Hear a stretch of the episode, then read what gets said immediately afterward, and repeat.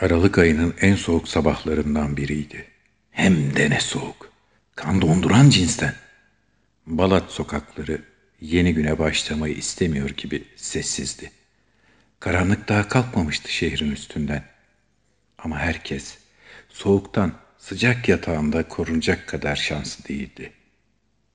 Hamit daha şehir uyanmadan ekmeğinin peşinde koşmak için çıkmıştı evinden. Kağıt toplama arabasıyla İsmail Ağa'dan Balat'a doğru inmeye başlamıştı. Kızıl Kilise'ye inen yolun başına geldiğinde yolu ikiye ayıran kısımda yer alan çöp kutusunun yanında bir sürü büyük kartonu görünce yüzünde bir tebessüm oluştu. Anlaşılan bugün işler iyi gidecekti. Üst üste istiplenmiş kartonları tek tek arabasına koymaya başladı. Üçüncü büyük kartonu kaldırmasıyla hayatının şokunu yaşaması bir oldu. Kartonu kaldırdığı anda bir kadın cesediyle karşılaşan Hamit korkuyla Bismillah diyerek geriye doğru sendeledi ve yere düştü. Korkudan gözleri ve ağzı açık kalan Hamit karanlığı delen mavi rengin gözlerini almasıyla kendine geldi. Polis arabasının tepe lambasını görmesiyle ayağa kalkıp polise doğru koştu. Hamit, abi, abi dedi. Kesik kesik nefes alarak ve devriye gezen polis arabasının şoför camına vurmaya başladı. Polis biraz şaşkın, biraz sinirli ifadeyle birden polis aracını durdurdu ve camı açtı. Polis, ne oluyor lan ne yapıyorsun? Camı kıracaksın. Hamit, abi koş kadın. Polis, ne diyorsun oğlum ne kadını?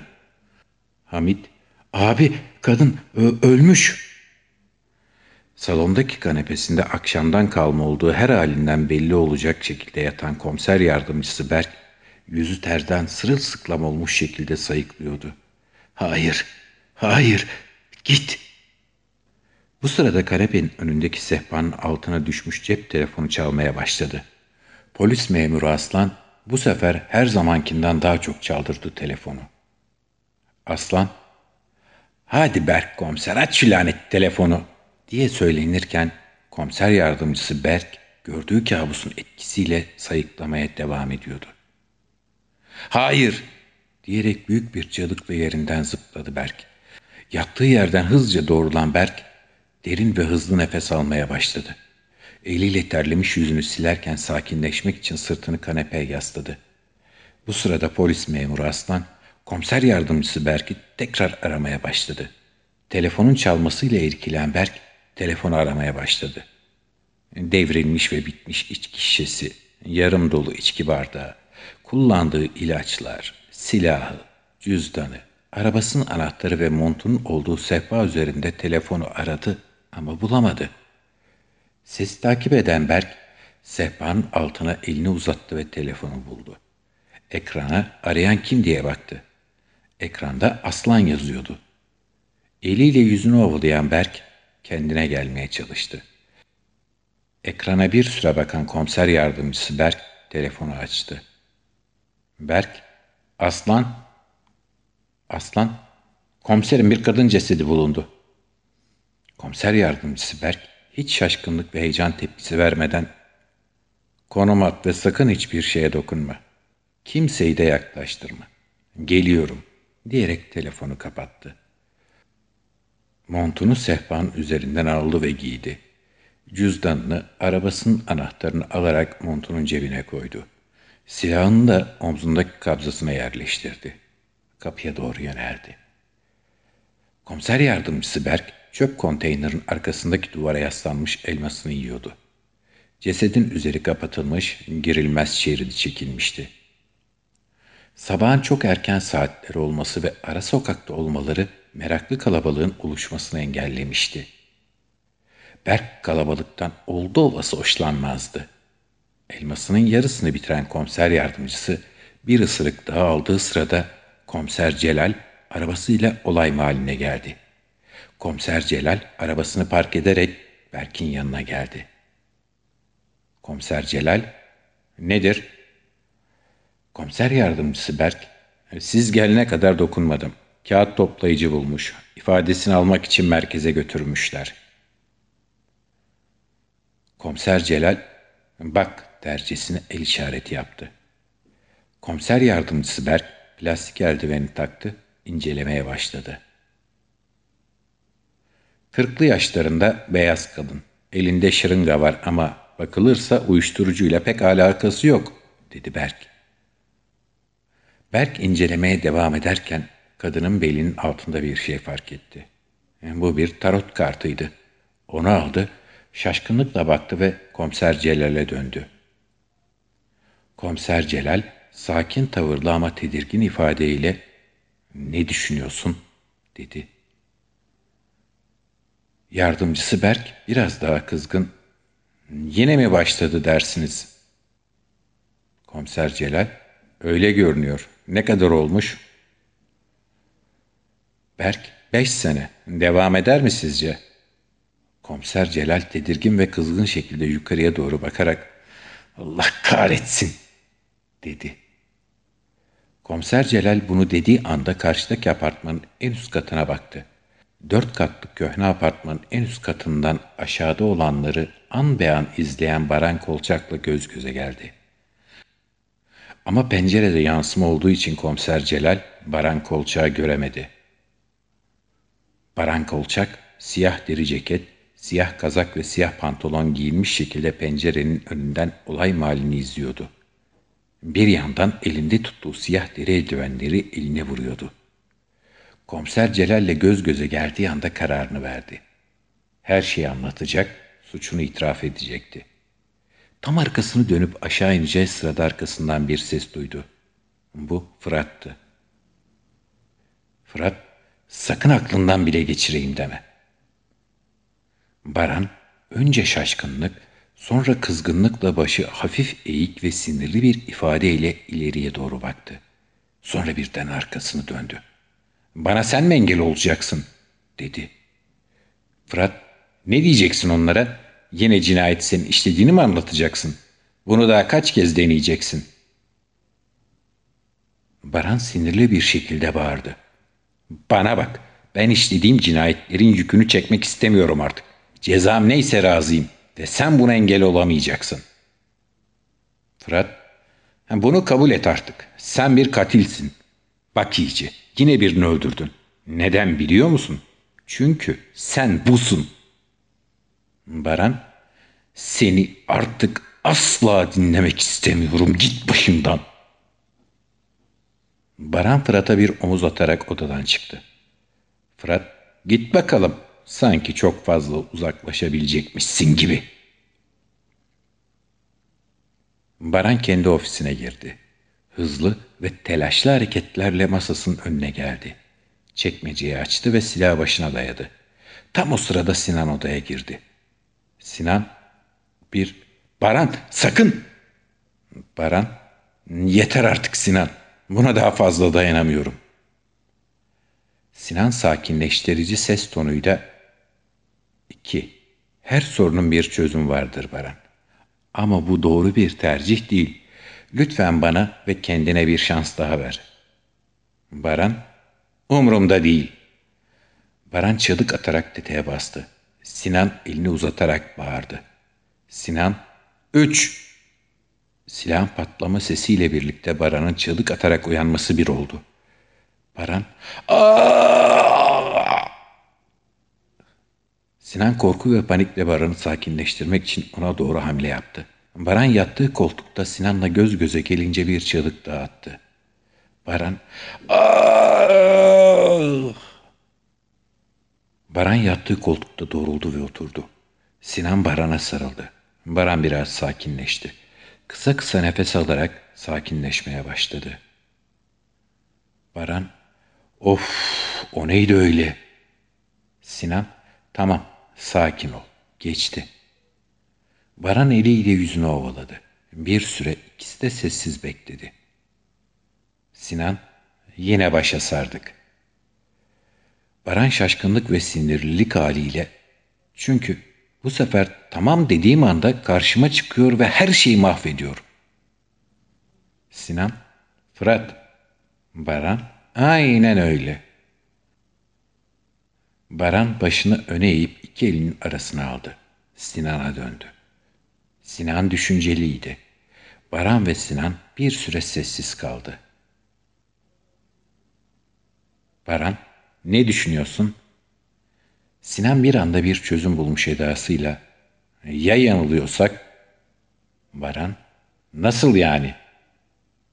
Sinan, sürekli cinayetleri nasıl önleyebileceğimize odaklandık. Baran, evet. Sinan, peki cinayetleri neden işlediğine odaklansak? Ne demek istiyorsun? dedi Baran.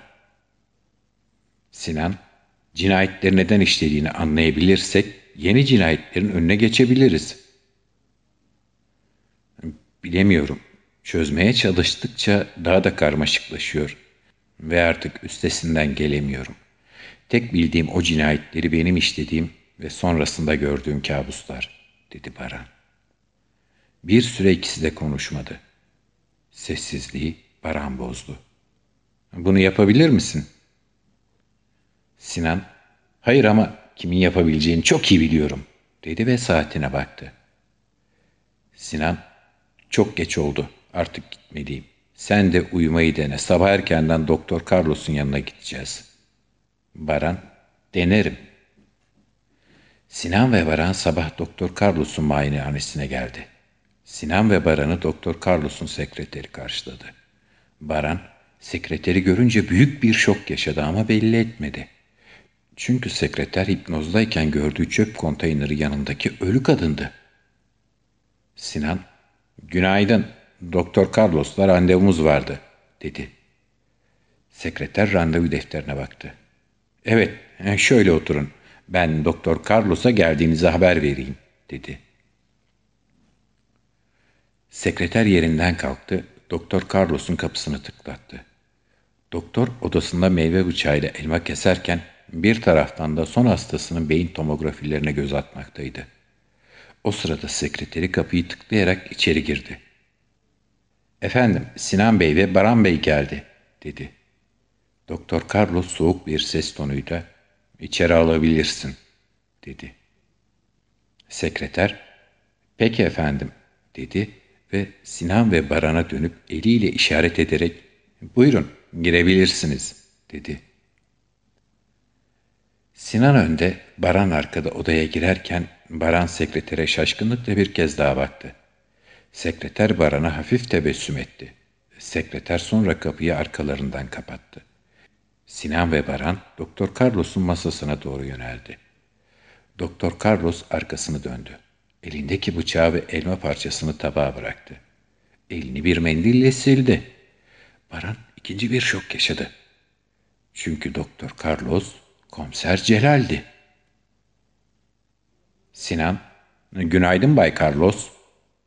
Baran şaşkınca ve kısık bir sesle, günaydın. Doktor Carlos ikisine de oturmalarını işaret etti. Bu yoğunluğumda sana zaman ayırmam için umarım geçerli bir sebebin vardır Sinan, dedi Doktor Carlos. Sinan cevap vermeden Baran lafa girdi. Ben bir katilim. Doktor Carlos koltuğuna yavaşça oturur. Baran'a şaşırmış bir ifadeyle baksa da soğukluğundan bir şey kaybetmedi. Anlamadım, dedi Carlos. Baran, 16 cinayet işledim. Neden ve nasıl olduğunu bilmiyorum. Ama artık bu yükün altından kalkamıyorum. Bunun için sizden yardım istiyorum, dedi. Doktor elini telefona uzattı. Sinan telaşlı bir şekilde, Bay Carlos lütfen, haklısınız bu yaşananlardan sonra aranması gereken yer polis. Ama Baran zaten bunu denedi. Polis Baran'ın işlenen cinayetlerle hiçbir alakası olmadığını, anlattıkları yüzünden kendisini tutuklamayı gerektirecek bir kanıt olmadığını söyledi. Doktor Carlos, bu nasıl olabilir? Siz işlediğiniz cinayetleri polise itiraf ediyorsunuz ama polis olayın sizinle alakası olmadığını söylüyor öyle mi? Sinan garipser bir yüz ifadesiyle Baran'a bakarak maalesef. Doktor Carlos, peki benden ne istiyorsunuz? Sinan, biz sürekli cinayetleri hipnoz yöntemiyle önlemeye odaklandık ama her defasında başarısız olduk. Ben daha derinlere inerek Baran'ın cinayetleri neden işlediğine odaklanırsak bu iş tamamen bitirebileceğimi düşündüm. Doktor Carlos ve Bunu benim başarabileceğimi düşündünüz. Sinan, kesinlikle. Doktor Carlos Baran'a dönerek, peki ben sana neden yardım edecekmişim? Baran, Bay Carlos, ben bir katil olabilirim ama inanın bunu neden yaptığım hakkında hiçbir fikrim yok. Siz bunu neden yaptığımı bulur ve önlememe yardımcı olursanız teslim olacağıma söz veriyorum. Doktor Carlos bir süre Baran'a bakar. Carlos, pekala der. Doktor Carlos eliyle Baran'a hasta yatağını gösterdi. Baran sandalyeden kalkarak yatağa doğru yürüdü ve yatağa yattı. Doktor Carlos telkin sözleriyle Baran'ı hipnotize etti. Doktor Carlos, üç dediğimde uyanacaksın. Bir, iki, üç. Doktor Carlos üç dediğinde gözlerini ağır ağır açan hasta Fırat'tı. Fırat gözlerini tamamen açtı. Önce tavana, sonra da doktora baktı. Karşısında Doktor Carlos görünce hızla doğruldu. Fırat, neredeyim ben? Doktor Carlos, ofisimde. Fırat, ne işin var benim burada? Doktor Carlos, son seansı gerçekleştirdik. Fırat, ne seansından bahsediyorsun? diye sordu. Doktor Carlos, hiçbir şey hatırlamıyor musun? Fırat, ne hatırlamam gerekiyor? Doktor Carlos, 1. İşlediğini sandığın tüm cinayetler ve bunu sana yaşattığı acılardan kurtulman için bana gelmiş olmanı. Fırat şaşırdı ve apartman dairesinde ölü kadını izleyenin, intihar etmeye çalışanın ve Sinan'la Doktor Carlos ziyarete gelenin aslında kendi olduğunu anladı. Fırat, buna inanamıyorum. Doktor Carlos, şimdi sıra yenmemiz gereken ikinci önemli sorununuzda. Ancak ilk kısmı atlattığımıza göre bunu da başarabileceğimize eminim. Fırat bir süre sessiz kaldı. Gözleri doldu. Fırat, Baran. Doktor Carlos bir süre sessizce Fırat'a baktı. Doktor Carlos, iki. Baran diye biri hiç olmadı Fırat. Cinayetlerinin yükünden kurtulmak için oluşturduğum bir alt benlikti. Doktor Carlos bir süre duraksadı. Ve sadece Baran da değil, dedi. Fırat, başka? Senin cinayetlerinden haz alan tarafın, dedi doktor. Fırat, bunu Baran'ın yaşadığını sanıyordum. Doktor Carlos, çoklu kişilik bozukluğu ve paranoya. Gerçekte kim olduğun konusunda çoğu zaman sorun yaşadığın gibi ısrarla bir sanrının peşinde koştun. Bu noktaya gelebileceğimiz konusunda hiç şüphem yoktu. Ama itiraf etmeliyim ki epey zorladın beni, dedi. Ne yapmamı istiyorsun, diye sordu Fırat. Fırat ayağa kalktı, ofiste gezinmeye başladı. Doktor Carlos, sana yardımcı olmamı istemeni... Fırat onaylarcasına başını salladı. Sonra Doktor Carlos'un sana neden yardım edecekmişim lafını hatırladı. Fırat duvardaki kadın tablosunu gördü. Büyük bir şok yaşadı. Birden Doktor Carlos'a döndü. Fırat, hayır! Doktor Carlos, üç. Komiser yardımcısı Berk gözlerini yavaş yavaş açmaya başladı. Gördükleri önce bulanıktı ama daha sonra netleşti. Netleştikçe kolundaki seruma ilaç enjekte eden hemşirenin ellerini gördü. Kafasını yavaşça yukarı kaldırdı. Hemşire ona bir bakış attı ve gülümsedi. Hemşirenin çöp konteyneri yanındaki ölü kadın ve Doktor Carlos'un sekreteri olduğunu hatırlayan komiser yardımcısı Berk'in yüzünde acı bir gülümseme belirdi. İşini bitiren hemşire hastane odasından çıktı. Daha sonra komiser Berk'in yattığı odaya doktor girdi. Doktor arkası dönük Berk'in dosyasını incelemeye başladı. Dosyayı masaya bırakan Doktor Berk'e doğru döndü. Dönen Doktor Hamit'ti. Doktor Hamit ellerini beyaz önlüğünün ceplerine soktu. Doktor Hamit gülümseyerek ''Geçmiş olsun'' dedi.